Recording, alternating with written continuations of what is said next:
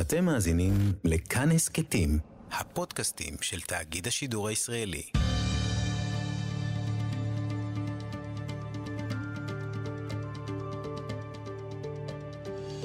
כיוון הרוח עם בני טייטלבוים שלום לכם, בימים אלו אנחנו מציינים 30 שנה לעלייה ששינתה את פניה של ישראל, העלייה מברית המועצות לשעבר. נזכיר, 1991, ברית המועצות העצומה קורסת, השערים נפתחים, ובתהליך ממושך מגיעים לכאן כמיליון מיהודי רוסיה. לא הכל הלך, הלך כמובן, היו מאבקים פוליטיים, וקדמה לאותה גל העלייה עבודת מטה המוסד פעל בחשאי, שלח שליחים לרחבי רוסיה עוד לפני קריסת הגוש המזרחי. ספר חדש מאיר גם את הזווית הזו, הספר נקרא העשור החמישי, ספר שערכו צבי צמרת ועימו זאב דרורי ויחיעם וייץ.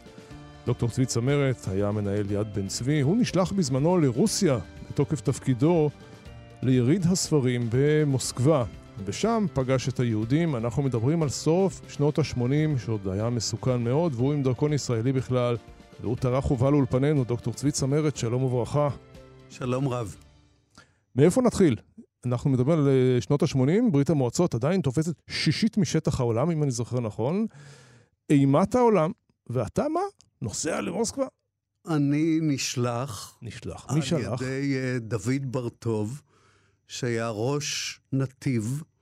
זה אותו חלק של המוסד שעסק בכל יהדות uh, מזרח אירופה.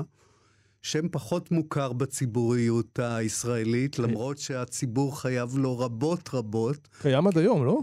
נתיב. נתיב נסגר? קיים היום, אבל הוא כבר לא חלק של המוסד, ושירותיו הם אחרים לחלוטין. אוקיי. אבל uh, דוד בר-טוב פונה אליי בקיץ 1987. הוא מציע שאייצג את יד בן צבי, ביריד הספרים הבינלאומי. חלק ממשלחת של 19 אה, איש, שעכשיו אפשר לגלות שהמשלחת הייתה מורכבת מכמה אנשים שקשורים לספרים, כמוני, וכמה אנשי מוסד וכמה אחרים.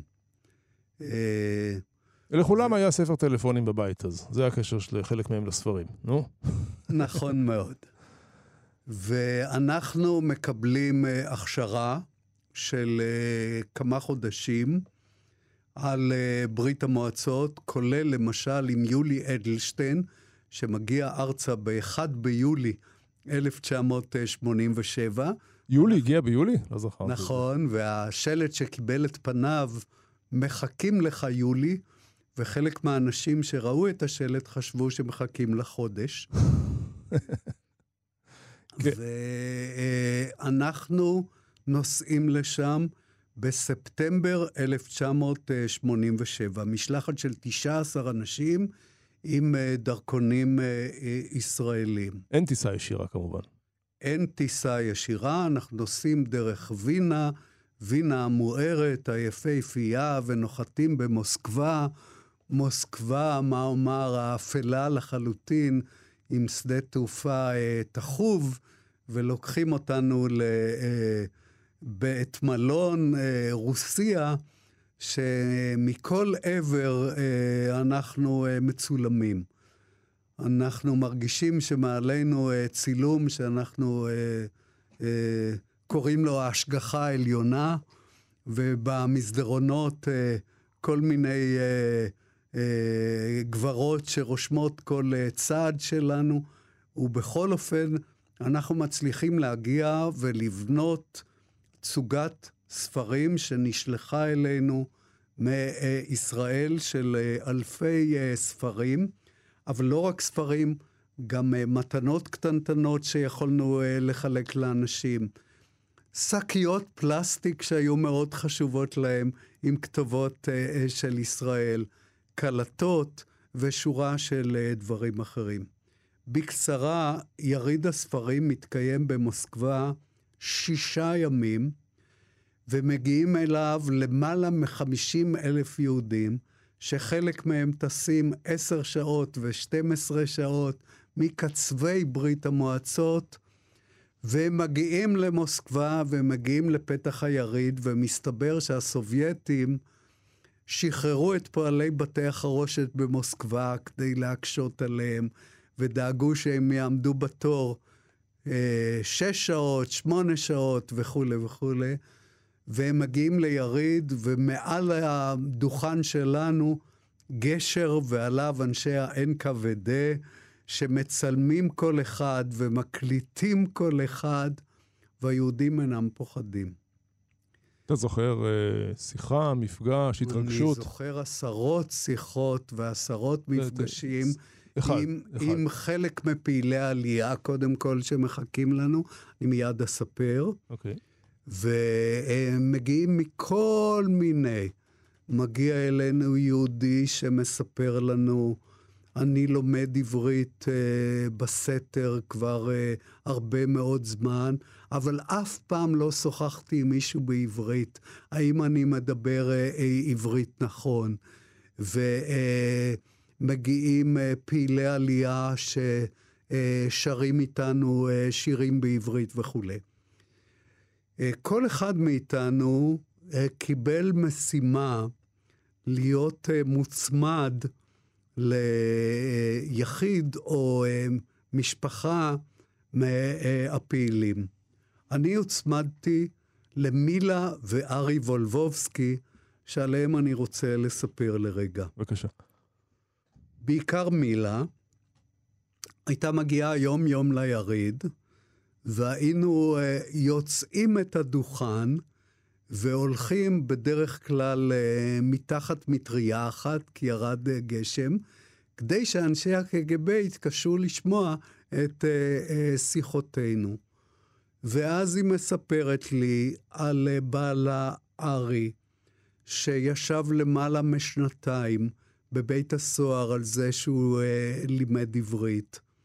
ומספרת לי את uh, סיפור משפטו, שלא תאמין, הוא התנהל בעברית. וואלה. כי ארי התעקש שהמשפט יתנהל בעברית, ואמר לשופט, אתה יכול להטיל עליי איזה עונש שאתה רוצה, אבל אם אתה רוצה משפט, המשפט יתנהל בעברית. והסיפור האחר, שארי מכריז על זה ששמו חנניה, ולא ארי, ואומר לו השופט, אבל בתעודת הזהות שלך כתוב אחרת. אז הוא משיב, זה שמי במולדתי. השם שכתוב פה בברית המועצות איננו שמי. Mm-hmm. ובסופו של דבר, ארי מוכנס לבית סוהר לשנתיים, ויושב באירקוצק, באחד המקומות הקרים ביותר אה, אה, בסיביר. וסיפורו הוא סיפור מאוד מאוד קשה. אני רק אומר פה אה, סוף דבר. הסיפור של ארי ומילה נעשה בשעה שאני הייתי תושב אפרת, ויצרתי קשר גם של הקהילה כולה עם המשפחה.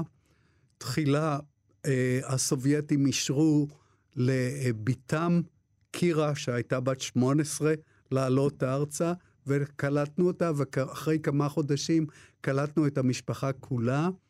אפרת נתנה להם דירה באפרת, וזה מקומם אה, עד היום. אה, סיפור יפה. עכשיו, באותו זמן, באותו יריד, למשל, היינו כמה אנשים אצל יוסף ביגון בליל שבת. הבאנו לו בין היתר אה, יין מארץ ישראל, והוא נהג אה, לקדש על אה, יין אה, כשר. והוא קיטר באותו ערב, אין שום סיכוי שנכדיי יגיעו לארץ וכולי. ביום ראשון בבוקר אנחנו שומעים שהוא קיבל אשרת יציאה מברית המועצות, ונוסעים לביתו כדי uh, להיפגש איתו ולהרים כוסית uh, לחיים, מסתבר שהרימו עשרות אנשים לפנינו, וכשהגענו הוא כבר היה שיכור לחלוטין ולא הכיר אותנו. יפה. אותו דבר קרה לנו עם ויקטור בריילובסקי. באותו שבוע, כדאי לדעת, ויקטור בריילובסקי קיבל היתר עלייה מהראשונים ב-1987, עלה ארצה, ואחר כך, אם אינך זוכר, הוא היה חבר כנסת, וסגן שר הפנים במדינת ישראל. הוא היה גם לימים ספורים שר, מאיר פה העורך איתי. כן. אה, אוקיי, אז אתה נמצא ביריד הספרים, אתה בעצם בשליחות המוסד. אה, והקג"ב תופס גם אותי, עוצר אותך? עוצר אותי. אוי אוי. כי האשמה הייתה שאני מחלק ספרים ציוניים לאנשים.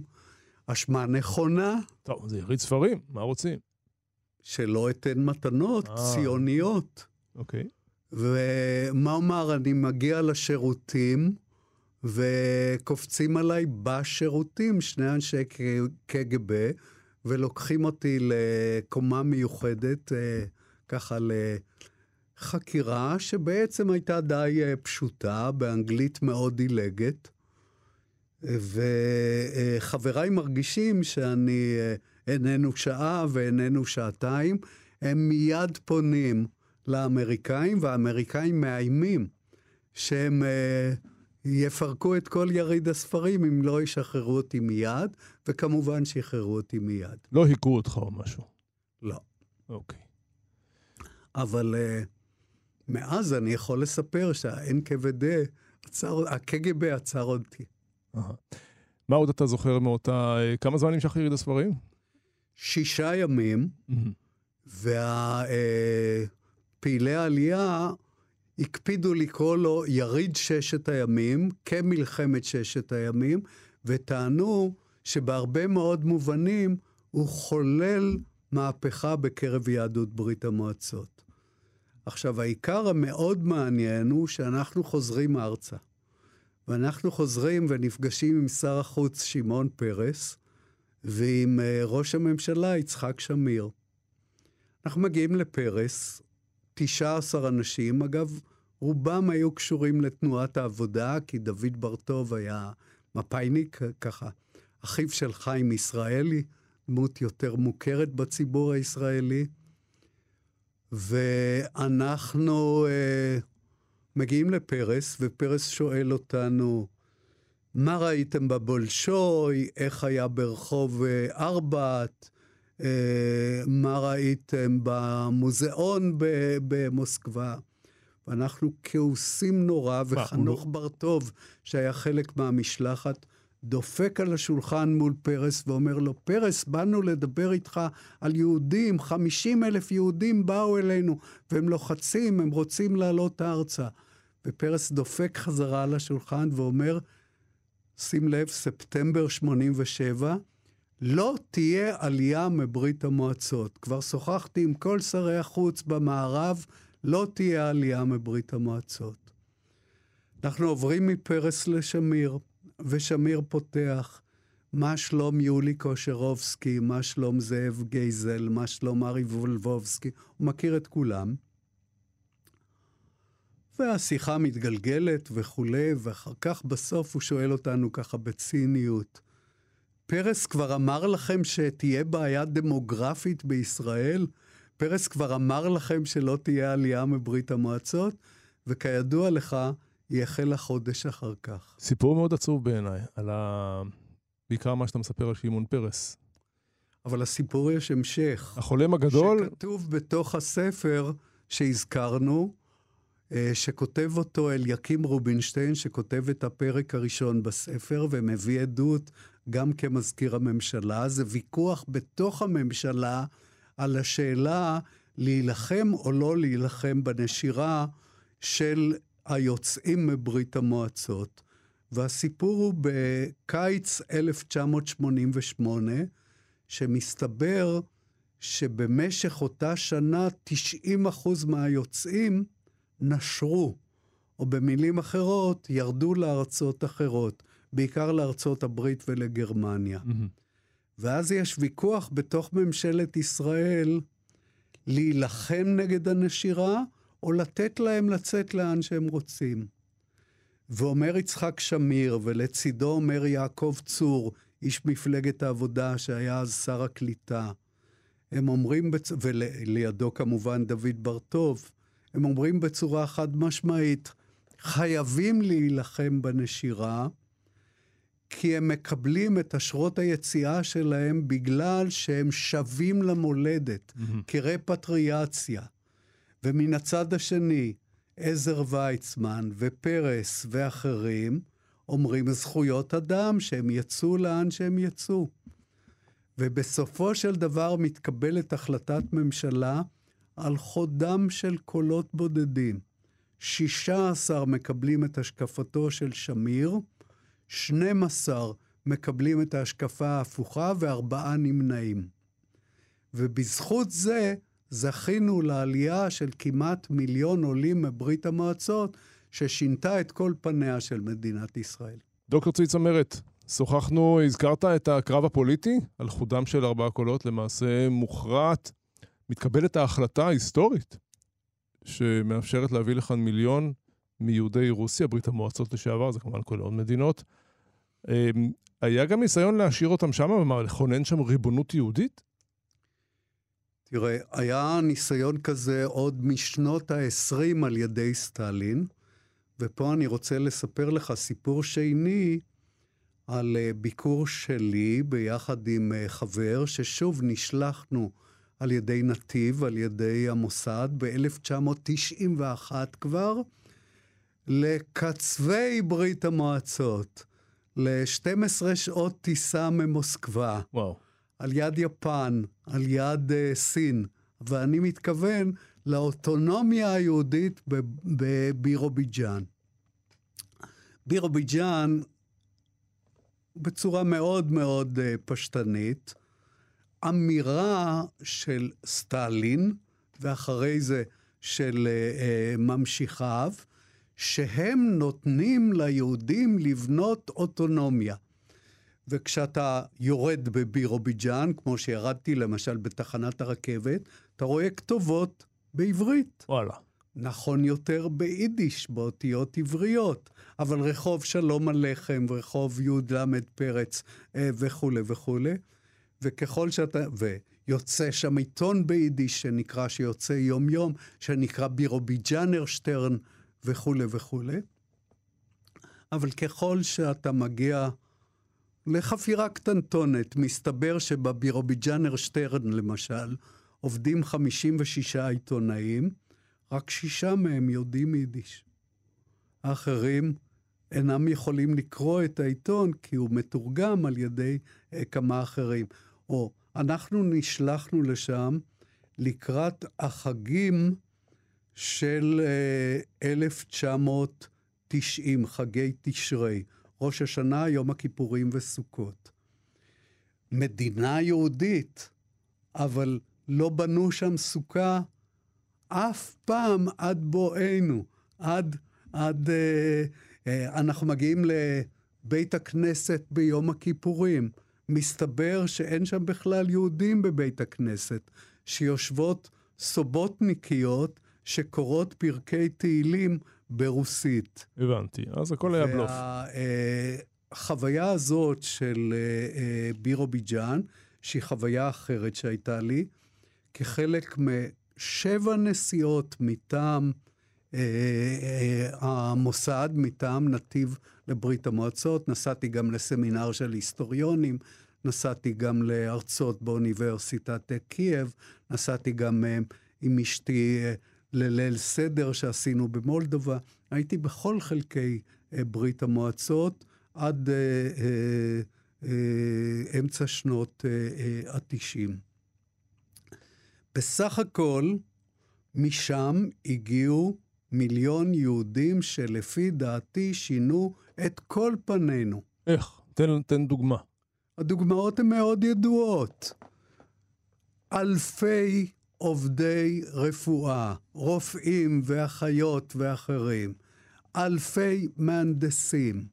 בהרבה מאוד מובנים התקדמנו כמדינת הייטק, בין היתר באותן שנים, בזכות המהנדסים והאחרים שהגיעו אה, מברית המועצות. צריך לומר של... מוזיקאים, אומנים מכל הכיוונים. כלומר, אין שום ספק שכל החברה הישראלית שמנתה ב-1900, החברה היהודית הישראלית, שמנתה ב-1988 ארבעה וחצי מיליון, הפכנו להיות שישה מיליון, המדינה הפכה ממדינה קטנה למדינה בינונית, ופרצה לכל מיני כיוונים בזכותה, במידה רבה, של העלייה מברית המועצות. כן, צריך להזכיר את uh, סעיף הנכד המפורסם, שמביא לכאן גם מספר לא מבוטל, יש ויכוח כמה, אבל בוודאי כמה מאות אלפים של אנשים שאינם יהודים על פי ההלכה. אתה צודק, יהודים על פי uh, חוק השבות, מתוך אותו, אותו מיליון הגיעו כ-200 אלף שהם uh, מזרע uh, יהודי. כן, וזו בעיה כבר פוליטית, עד ימינו אנו, שכרגע אינה נמצא לה פתרון. בוא נאמר את זה ככה בשפה עדינה. אה, נניח את זה בצד. אז אנחנו מדברים על אה, גל עלייה. אה, אריק שרון, שר השיכון אז, צריך גם את זה להזכיר, יודע לדפוק על השולחן, לקלוט אנשים, איש מהם לא גר בה, באוהלים. בסך הכל סיפור קליטה מוצלח יחסית, עם כל הבעיות של קליטת... סיפור קליטה יוצא מן הכלל. אין שום מדינה בעולם שהצליחה לקלוט כזאת כמות של יהודים או של אחרים, כן? בפרק זמן כל כך קצר. תראה, אם uh, היום היינו צריכים לקלוט uh, 150 אלף, 200 אלף שהגיעו בשנים uh, מסוימות, היינו מתקשים הרבה יותר עם כל המשפטיזציה והביורוקרטיה שהתקדמה מאז וכולי. כן, טוב, אני לא זוכר מי זה, אני חושב שצבי האוזר, חבר הכנסת, אמר פעם שהיום בן גוריון לא היה יכול להכריז על הקמת המדינה. הוא היה צריך ללכת למכרז, לקלדנית, לכתבנית, לחדר, להגברה. אה, כל דבר היה דורש אה, אישורים, לא היו זזים. פעם הכל היה יותר פשוט, וזה לא בהכרח רע. אני מאוד מסכים איתו, ואני רק אתן לך דוגמה קטנה אחרת. בן גוריון הורה להקים 30 עיירות פיתוח, שהוקמו תוך שנתיים-שלוש. אם היום נקים עיירה אחת ב-30 שנה, זה יהיה נפלא. תגיד, שמעון פרס, אה, למיטב ידיעתך, אחר כך אה, חזר בו מהנימה, מהטון, אותם שרים בממשלה שהצביעו נגד אה, מה, זה, זה מאוד עצוב שברגע של הכרעה היסטורית, אנשים הצביעו נגד קיבוץ נדחי ישראל. תראה, אני רוצה אה, לומר את נימוקיו. או. נימוקיו היו, אנחנו בסוף המאה ה-20, סיפר לי על נימוקיו יעקב צור, שפרס בא לנסות לשכנע אותו. ופרס אומר לו, אנחנו בסוף המאה ה-20, איך אפשר להילחם בזכויות אדם? כל אחד צריך להחליט ללכת לאן שהוא רוצה, אה, כמה שהוא רוצה וכולי וכולי. והתשובה של שמיר ושל אה, צור הייתה כפולה. גם אמרתי כבר, הם קיבלו את כל האשרות שלהם כרפטריאציה, גם השקענו בזה כל כך הרבה, ואמר שמיר, שיבואו קודם כל לארץ, אחר כך ירצו לרדת, ירדו. וכדאי לדעת, שוב, אליקים רובינשטיין בספר שהזכרנו, אומר עד סוף תקופת אה, כהונתו של אה, שמיר, שהסתיימה בקיץ 92, עלו 340 אלף איש, ירדו 3,600 בערך. איך עשו את זה? כלומר, מה היה צריך לעשות כדי לנתב את העלייה כך שהיא תגיע לכאן ולא תזלוג לניו יורק? להגיע להסכמה עם האמריקאים שיסגרו את הדלתות. אה, פשוט כך. והאמריקאים הסכימו. כן, וזה עוד פעם סיפור ארוך כשלעצמו. לא היה שם איזה טריק עם שעות הקבלה של השגרירות, של הנציגות? לא, היה... לא, לא, זה אני לא מכיר. אני לא מכיר. הבנתי. אז הגיעו 300 אה, לאורך זמן, רובם נשארו כאן, נכון? כלומר... כמובן. כן. כמובן. ירדו בערך חמישה אחוזים. אה. כי בשנים האחרונות מדברים על איזושהי תופעה, אני לא יודע מה היקפה, ואני נזהר כאן בלשוני, שאנשים באים לקבל סל קליטה ואז בורחים. זו פרשה לגמרי אחרת, שקשורה לכל הסיפור של אה, כניסה לישראל ללא ויזה, מאוקראינה בעיקר. Mm-hmm. זו פרשה לגמרי אחרת. Uh, עלייה בתחילת שנות ה-90, אנחנו מדברים על תקופת מלחמת המפרץ הראשונה. כלומר, ישראל uh, תחת מטח טילים, מטחי טילים, טילים ברמת גן, חיפה, וממשיכה עלייה, זה לא מרתיע את החבר'ה.